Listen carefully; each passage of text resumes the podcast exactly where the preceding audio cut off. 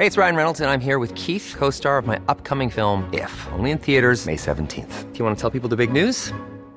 All right, I'll do it. Sign up now and you'll get unlimited for $15 a month in six months of Paramount Plus Essential Plan on us. Mintmobile.com slash switch.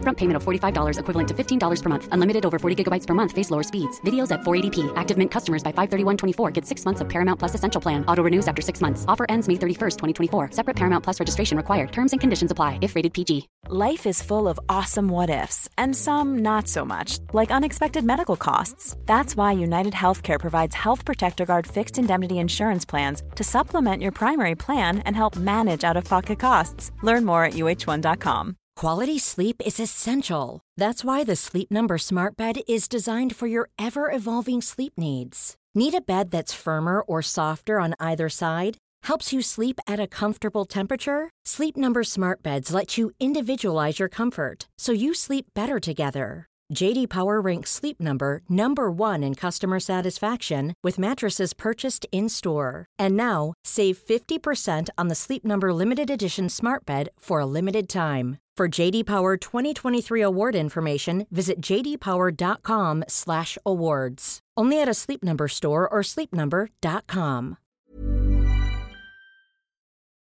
Gjenklang.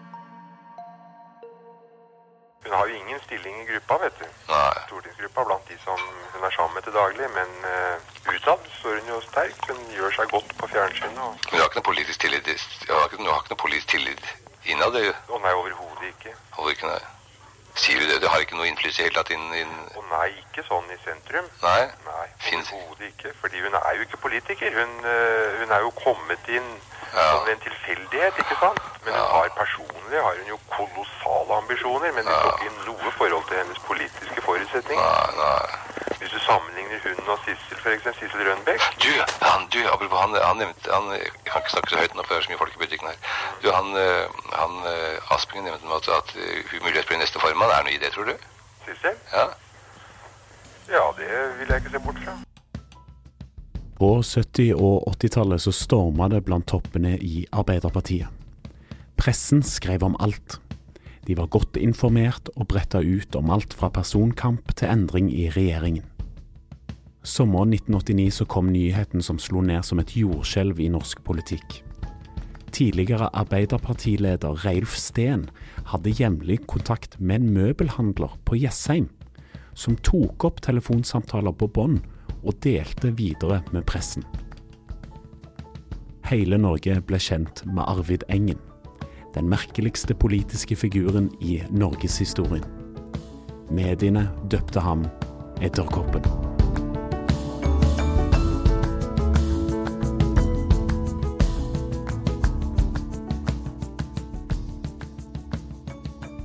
Velkommen til historier som endret eh, Norge. I dag skal vi snakke om Arvid Engen, møbelhandleren fra Jessheim som plutselig spilte en hovedrolle i landets storpolitiske thriller på ja, 70- og 80-tallet. Hvem var den ukjente mangemillionæren med kontakter helt til topps i Arbeiderpartiet og LO?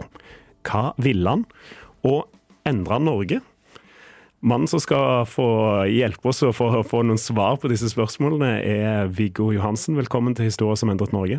Takk for det. Takk for det. Journalist og mangeårig ja, NRK-profil, det må vi jo få lov til å, å si. Og på eh, slutten av 80-tallet så var du, var du helt nær eh, Arvid Engen. Eh, og, det var, og du har skrevet bok 'Edderkoppen' eh, sammen med Pål T. Jørgensen i, etter at eh, denne saken her ble ble kjent. Og når starta det? Det hele starta i, helt til slutten av juni. Det var en nyhetsmelding i Dagsnytt klokka 7.30 om morgenen. Arne Wam leste meldingen, og den fortalte at det var tett samrøre mellom overvåkingspolitiet og sentrale tillitsmenn i Arbeiderpartiet. Og dette her var jo en øm tå for arbeiderbevegelsen, det at det var kont kontakt med overvåkingspolitiet. Og Arne Wam, som hadde denne meldingen, var ingen hvem som helst. Han var samboer med Sissel Rønbeck, som hadde vært statsråd i regjeringen til Gro, og som var en av toppene i Arbeiderpartiet. Og denne meldingen, den slo ned som en bombe i det politiske miljøet i Norge. Og aviser kasta seg over dette her. Og, eh, hvor, hvor jobba du da? Jeg jobba i Dagsrevyen. Ja. Uh, og vi var ikke helt på ballen til å begynne med. Det var avisene som var, uh, som var først på denne saken. Og Arbeiderbladet hadde, jeg tror det var 5. juli, så tror jeg de hadde bilde første gang av Engen, hvor han ble outa som den som var kilden til dette materialet. Mm. Og da Og møbelhandler fra Jessheim. Litt eksotisk, ikke sant? Og, og denne koblingen med, med Arne Wam, og pluss at det viste seg at Dagsnytt da, satt på et brev som Reiulf Steen hadde skrevet til Arvid Engen i, i langt tidligere, men ja. hvor han hadde fortalt om hvordan han ble skvisa ut av toppen av Arbeiderpartiet. Og han var Det var et bittert brev. Og, og dette ble jo gjenstand for veldig oppmerksomhet. Og pressen kom, av radio, og så kom TV, da. Jeg var reporter, skulle ha kveldsvakt. Mm. Satt på Nesodden der jeg bodde, og ble ringt opp av vaktsjefen i, Dagsrevyen, som var Lars Jakob Krogh, som lurte på om jeg kunne komme inn litt tidligere og dra opp på Jessheim, for det var en, en merkelig møbelhandler der oppe altså, som kunne være interessant. Ja, jeg kan komme, ikke sant. Og jeg dro opp på Jessheim. Kom opp til en flott villa stor hage med jeg husker det var mye roser og greier, og ble møtt av tre hunder som Engen hadde ute i haven her, og ble litt uh, støkk akkurat da. Og så kom denne møbelhandleren, da. Uh, og jeg skulle få et intervju, for da var det Det som var framme da, var at uh, han drev et spill mot Oslo-politiet og mot over, sjefen for overvåkingstjenesten, og at denne sentrale tillitsvalgte ved, ved, ledelsen i Arbeiderpartiet, en som het Per Karlsen, han var faglig politisk sekretær, ansatt av LO og ansatt ved partikontoret, at de drev et spill for å prøve å kaste politimesteren i Oslo, som var Willy Hauglie. Mm. Så mitt første spørsmål, da med kamera og det hele, ikke sant, og til Arvid Engen var Er det riktig at politimesteren i Oslo overvåker deg? Og da svarte han det har jeg ikke bedekning for å si. og det, den gikk i bedekning, ikke sant. Og det ble, det ble mye fleip omkring det seinere. Men det viser litt Arvid Engen nå. Altså, det, det, det, har jeg ikke bedekning for å si. Han hadde trøbbel med å Trøbbel verbalt. Ja. Han hadde dårlig diksjon. Mm. Han, han slura litt av gårde når han snakka, og begynte på setninger og nølte før han fortsatte osv. Og, og, og hadde problemer med å finne de rette orda, som det her var jo et eksempel på. Da. Ja, det er jo... Eh mange har jo bilde av Arvid Engen nå gjennom serien Makta, eh, og Trond Espen Seim spiller han jo litt annerledes enn det du beskriver nå. Ja, fordi jeg tror Engen eh, hadde blitt så stolt hvis han hadde sett at det var Trond Espen Seim som spilte han. Fordi han snakker jo klart og tydelig og gir ja. skikkelige beskjeder, men det var ikke Engens måte. Altså, han Nei. Eh, holdt på i litt eh, og manipulerte, og, og, og når han snakka med folk på telefonen, så hadde jo en veldig spesiell teknikk. Han antyda ting og stoppa, og så ble det til at liksom den han snakka med, fullførte. fullførte det hele. Ja. Og og dermed så fikk han mye mer. Du kan si om det var en bevisst intervjustrategi, eller om det var det, det, tror jeg ikke. Det var sånn som han var. Ja. Og det ingen visste, da, som snakka med han, det var at han tok det opp på lydbånd. Han Ja. teipa alt. Teipa alle samtaler. For det er det som, som etter hvert blir hele denne saken òg, da. Ja, fordi han hadde lydbåndene. Og, det, og her er Engens også inngang til pressen, ikke sant? Han, han skrøyt jo litt sjøl av at han hadde skapt Per Vassbotn, som var en, en framstående journalist i Dagbladet. Og hans kontakt med pressen foregikk på denne måten at han hadde gjort lydbåndopptak av Reiulf Steen, av Tor Aspengren, av flere andre profiler. Og så ringte han journalistene og spilte av båndene. Og det var jo her for journalistene, ikke sant, som vanligvis var vant til kanskje å få noen vurderinger av en og annen, og noen tips om ting. Her fikk de eh, reell vare fra De fikk høre fra hestens munn, ikke Ja, sant? ja. Reiulf Steen fortalte hvordan regjeringskabalen ble. Hvem som kom inn i regjering, hvem som skulle ut. Og den som fikk det, fikk jo toppoppslag. Ja. Og det hadde Per Vassbotn i Dagbladet den gangen. Han var først med alt som gjaldt eh, regjeringen. Og det var sannsynligvis veldig mye gjennom Arvid Engen, Ja. som da drev sin måte å, å informere på. Og jeg tror at noe av dette her med bakgrunnen i båndet hans var det altså også at han var, han var verbalt svak. ikke sant? Så han, han ville, ikke, ville hatt et, eh, problemer med å forklare alt dette. Men når han kunne ha båndene, så fikk jo journalistene ja, perfekt vare. Ja. da eh, vi, vi, skal, vi skal For disse båndene fikk jo, fikk jo du òg. Eh, Ja. Det, det, det var jo en god del samtaler han hadde tatt opp som han ikke hadde gitt videre til pressen. Og jeg var jo der oppe da denne gangen i begynnelsen av juli. Og etter at jeg hadde gjort intervjuet, så ble jeg invitert på kaffe og vafler og multesyltetøy sammen med samboeren hans, og det er viktig, samboeren, Ruth Damgaard. Veldig flott dame. Eh, hun var enke etter en flyver. Ble enke bare 19 år gammel. Og Arvid Engen eh, kom raskt inn i bildet da. Eh, og de var samboere hele livet, ble aldri gift.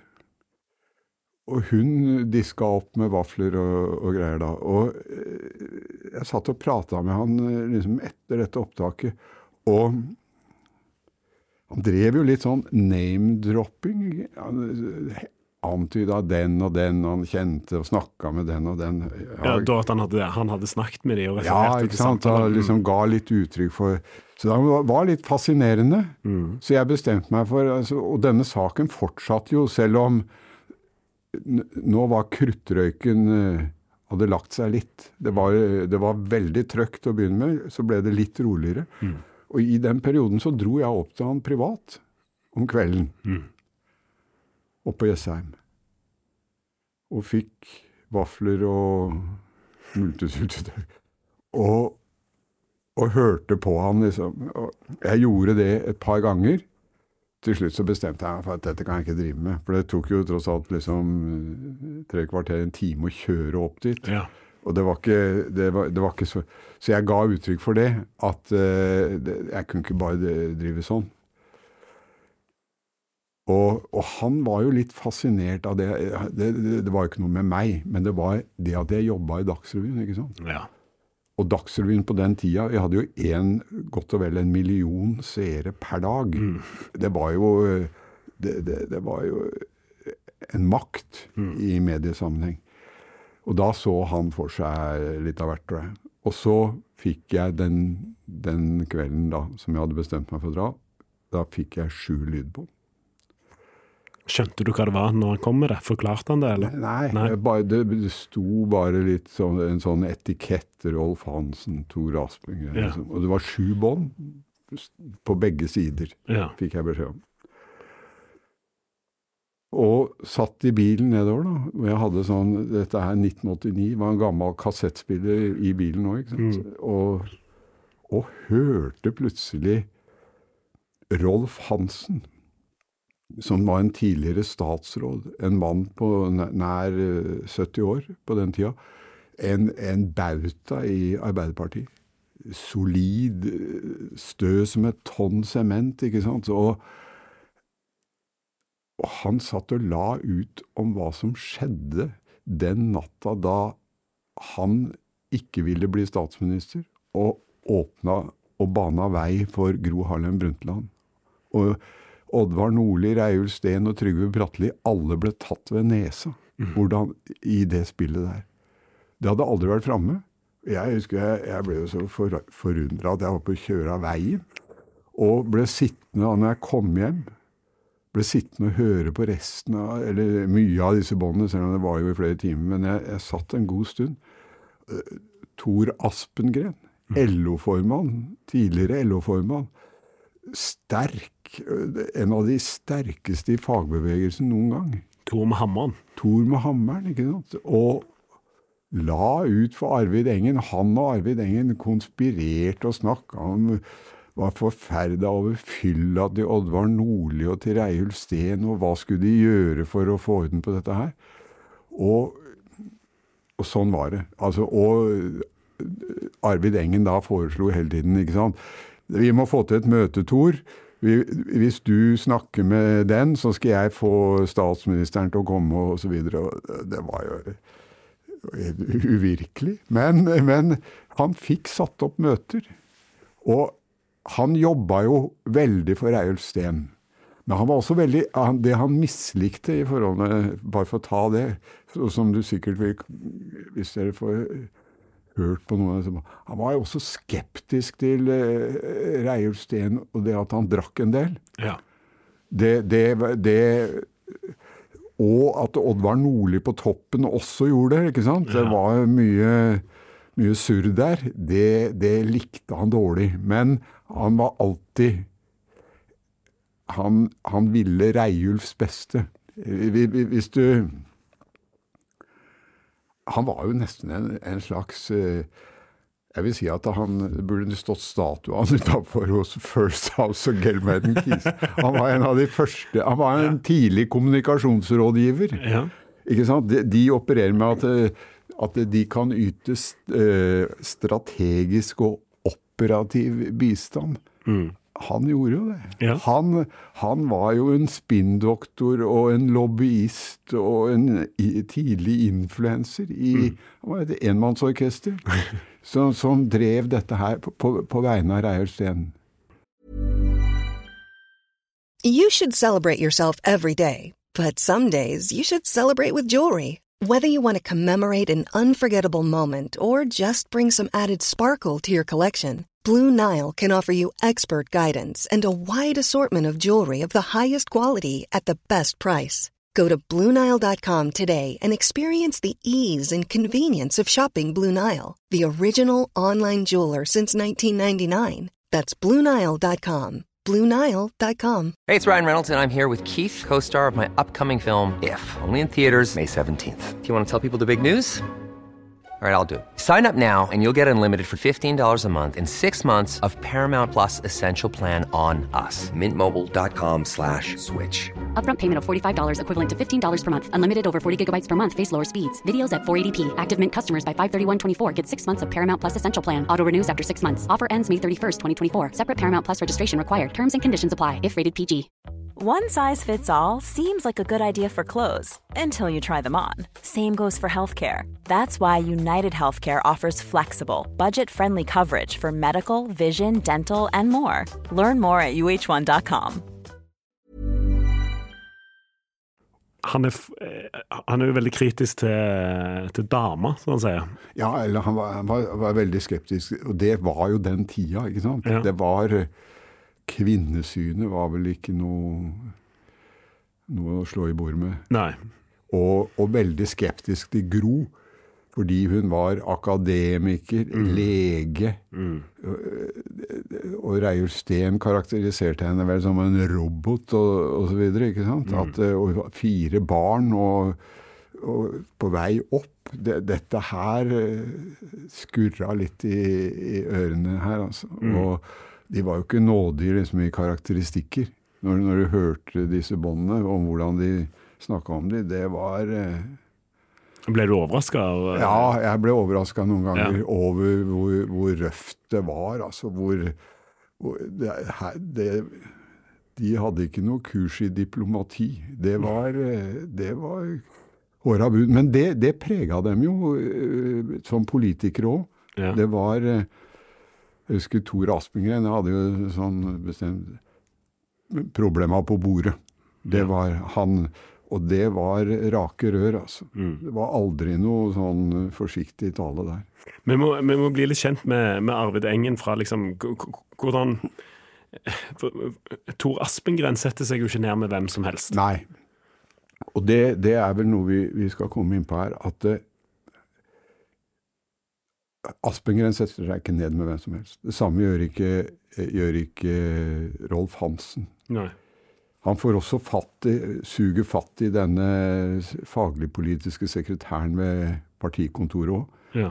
og holder i han. Han får fatt i toppene i overvåkingspolitiet. Ja. en som heter Iver Frigård. Han får tak i eh, lederne av Oslo politiforening, Jon T. Kvikne. Og han har Reiulf Steen, ikke sant? ja.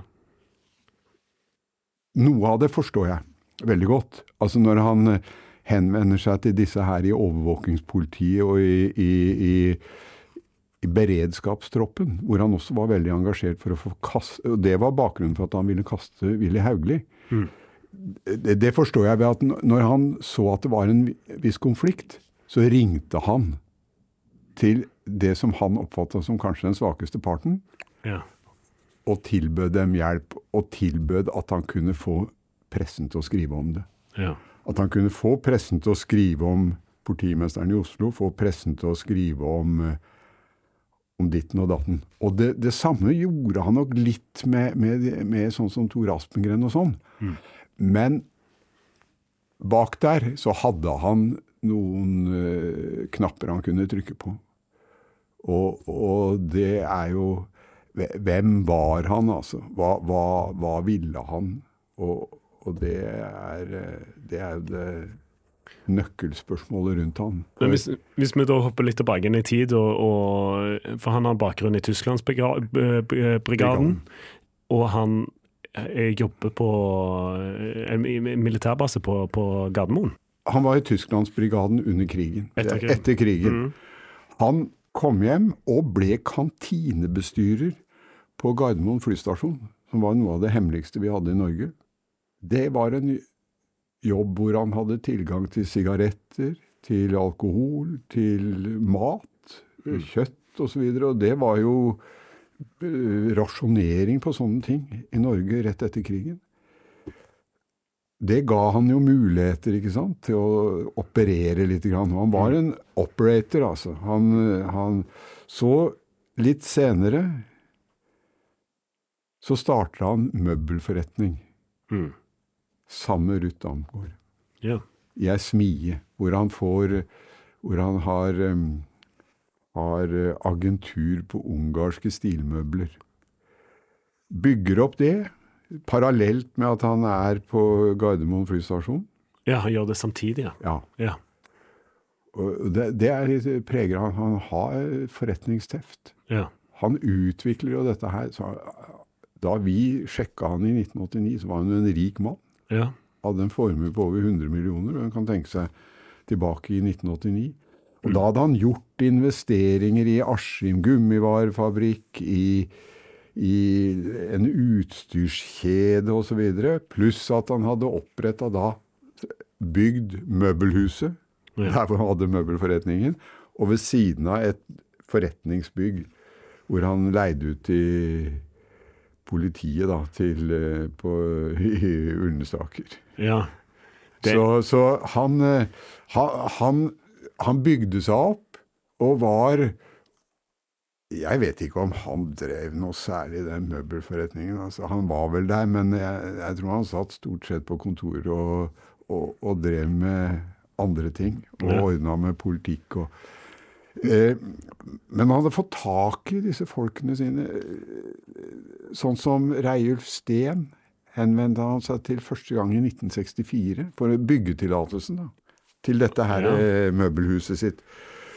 Det han ante tidlig, var at Reiulf hadde mye problemer. Litt økonomiske problemer, problemer med alkohol. Mm. Da var han der. Kjøpte trehjulssykler til sønnene hans. Ja. Hjalp familien. Tok de med på, på ferie. Reiulf og kona og de. Å, ja, ja. og fester et grep, altså. Når det gjelder Tor Aspengren og Rolf Hansen, så tror jeg det er eh, Der har han gått eh, Jeg tror at han eh, muligens jobba i motstandsbevegelsen under krigen. At han kunne ha hatt noen noe kontakter der. Det kan vi jo snakke mer om. ja.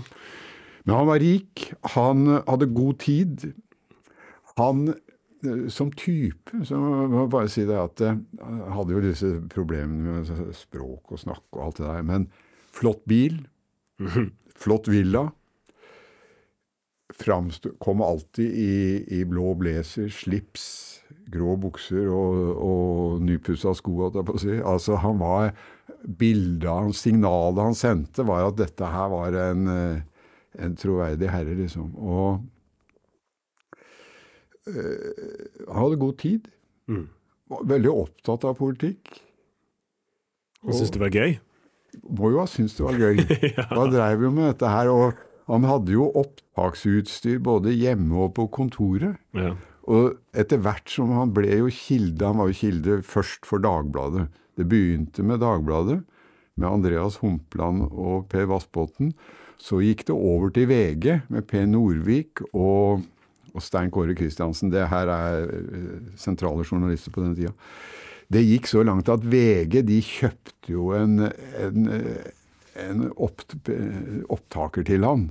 ja. Så, sånn at han fikk, fikk det for å Oi, er det sant? ja, ja, for at eh, Sånn at de har kunnet ha en både her og der. Og, og så, så, så eh, Men, men det, altså, for her sitter jo her sitter det en, eh, en del journalister da, som er klar over Arvid Engen. alle er klar, mange er klar over han. Ja. Mange er klar over han, men de har jo veldig glede av han. ikke Ja. sant? Så at eh, de vil jo ikke oute, oute han. Nei. Det som skjer da, for, for å liksom spole litt tilbake til altså den de, de, de juni-juli 1989 Ja. da, da det var som heitest rundt han til å begynne med, og jeg hadde fått disse båndene og hadde det materialet, så blir det inn Da var det mye styr med Reiulf Steen og mye styr med Arbeiderpartiet. ja. Da inngår kringkastingssjef Bjartmar Gjerde og Reiulf Steen Tidligere Ap-mann det òg? ja, ikke sant? Statsråd Ja. De var kolleger, statsrådskolleger, disse her. Mm. Og, og Gjerde var jo lenge aktuell også, sånn til å bli, leder av Arbeiderpartiet. Mm. De ble enige om at nå, sku, nå var det slutt. Nå skulle ikke mer eh, om dette her. Mm. Dette brevet som Dagsnytt hadde, det skulle brennes, og de skulle ikke snakke mer om denne saken. Og det skjedde. Det ble brent på, på kringkastingssjefens kontor. Gjorde det? Ja, høytidelig med Arne Arne Wam, eller jeg husker ikke hvem som var til stede, men det, det, det ble noe brent der. Men, men dette er i, altså, i, i den perioden hvor du driver og har kontakt med Arvid Engen? Ja, jeg har akkurat fått båndene. Ja. Vi er i juli 1989. Jeg har akkurat fått de sju båndene. Men da eh, Og så brenner de det. Og så sier jeg til Og da går jeg med en gang til um, min sjef i Dagsrevyen, som er Herbjørn Sørbø. Politisk eh, kommentator og veldig kjent politisk journalist. Så eh, det, det går ikke, Herbjørn. Jeg har materiale som jeg tror kan kjøre denne saken videre. Mm. Det er my mye nyhetsmateriale i det, men jeg er nødt til å bruke tid på det for å finne ut av det. Nei.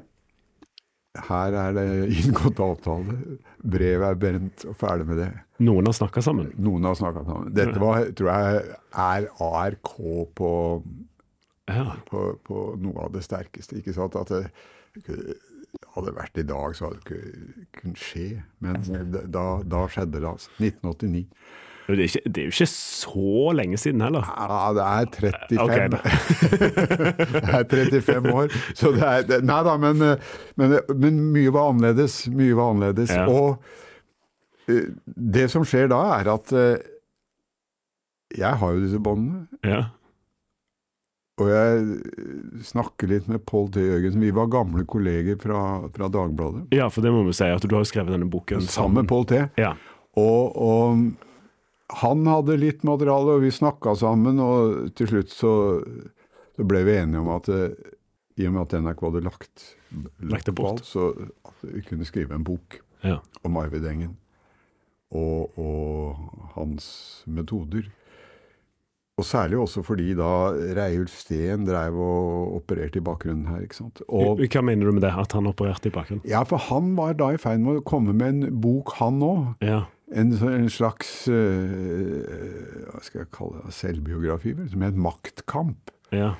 Den kom seinere på, på høsten. Den kom like før vår bok.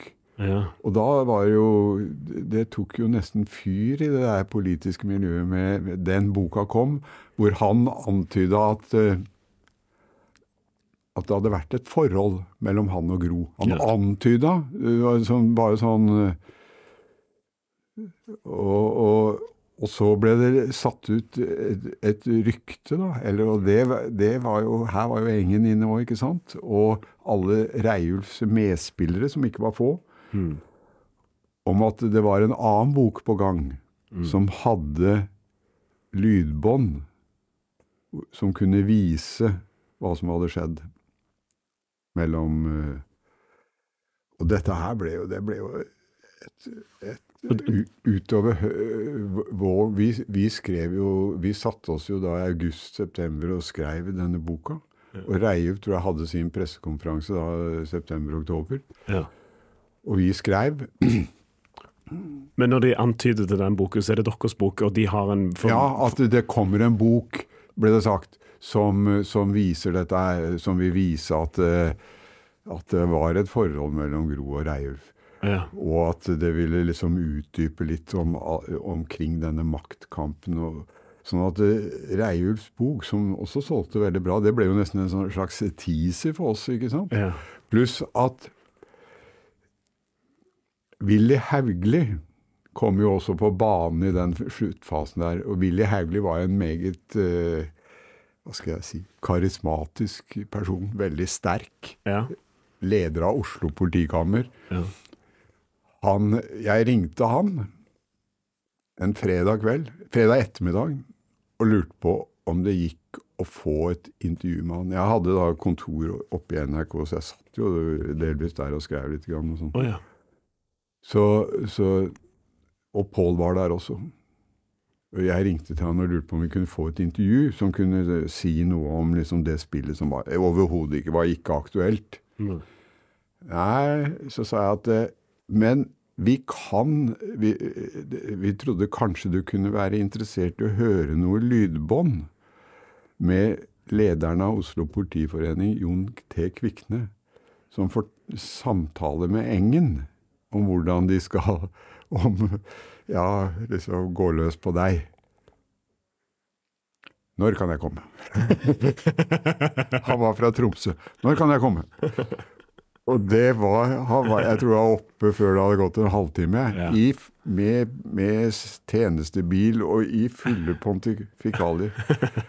Og han så sa vi det at vi, vi kan ikke gi deg mye, men du skal få høre sånn at du skjønner at vi har At vi har materiale. Mm. Og han ble Det var ja, det var full tenning, altså. Ja. Ja, da hørte Ola dette her forrige Så han også, i den sammenhengen, like før denne boka skulle komme, så hadde han parole på, på Oslo politikammer om morgenen og sa det at nå er det en bok rett rundt hjørnet. Som vil, vil avdekke hva som har skjedd her ved politikammeret. Det ble jo Til slutt så klarte ikke forlaget, så hadde jeg egentlig planlagt å ha en pressekonferanse. Ja. Det, det gikk jo ikke. Fordi det var et sånt trøkk, altså. At, så boka kom ut ja. i full fart. Og Du trengte ikke pressekonferanse. det var overhodet ikke bruk for noen pressekonferanse. Det var i alle sammenhenger. I Dagsnytt 18 og Dagsnytt. Det var overalt. Og, og det var jo Aspengren Hansen, ikke sant. Så det der politiske spillet som fikk mest oppmerksomhet. Altså. Ja, og det er jo kanskje det, eller det, er jo kanskje det som òg er alvorligste. Det, det, det er vel på mange måter det, men, og, men han drev jo et veldig spill i forhold til politiet og, og Ja. sånne ting. Og, Og på den tiden så var jo det òg en ferskere sak, da. Ja, det var, det var jo liksom veldig trøblete, det. Sånn at eh, i, i etterspillet her, da, så ble det jo sånn at eh, Stortingets eh, eh, kontrollorgan for overvåkings- og sikkerhetstjenesten, som det het, de ble også veldig interessert i dette materialet. For de ville, eh, og ville ha båndene. Og henvendte seg til Engen for å få bånd, og han hadde jo ikke noe bånd lenger. Og, og, og mm, det ble jo Og Aspengren og Hansen trua med rettssak Ja. Mot oss for å ha liksom eh, brukt stemmen deres og sånne ting. Ja, for de, eh, for de var jo ikke klar over at de ble tatt opp her. Nei, Det det var liksom- et vesentlig poeng. Ja. Så de ville gå til rettssak mot oss. Og, men så ble vår advokat var Jon Lyng, og han sa det at eh, jeg kan eh, spille av en del sekvenser av dette materialet for overvåkings- og sikkerhets... Eller kontrollutvalget for overvåkings- og sikkerhetstjenesten. Det ble ledet av høyesterettsadvokat Hans Stenberg Nilsen. Og Det ble det enighet om. Og i det eh, kontrollutvalget satt det flere representanter for Arbeiderpartiet og Høyre, og, eh, ja, fra alle de politiske partiene. Og de fikk høre da utdrag av dette her. Og de var Jon Lyng sa de var helt sjokkert. Og dagen etter så trakk Hansen og Aspengren ja. eh, saken mot oss, eller truslene mot oss, fordi da så de for seg en rettssak hvor dette her ville komme fram. Hvor det hadde blitt, eh, det hadde blitt helt gjøkeredde to. Altså. Og, og så, men det ble etter hvert det å utlevere båndene og spørsmål om, om det å gjengi fra samtaler hvor den ene parten ikke visste at det ble tatt opp, det ble jo gjenstand for Høyesterett. Ja. Og vi fikk medhold der. Ja. At det, det var tillatt når det hadde stor samfunnsmessig betydning. Mm. Og det mente Høyesterett at det hadde i dette tilfellet. Mm. Men det gikk jo faktisk eh, et par år. Ja, men eh, husker du ikke etter valget da jeg lå eh, slått ut Jo, med knekka rygg, så, Ja, ja. Tok jeg var jeg, da, var jeg, da tok jeg jo initiativ til å ta over sammen. ja, stemmer det, ja. ja. Kalte seg for fungerende formann og kalte inn sekretærene og begynte å gi dem instrukser og greier.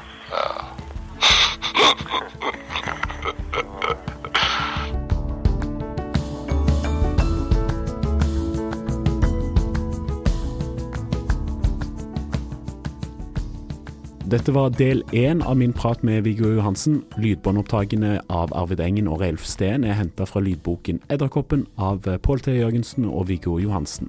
Del to kommer i morgen. Husk å abonnere og følg denne podkasten, så får du beskjed når det kommer nye episoder. Vi høres. Gjenklang.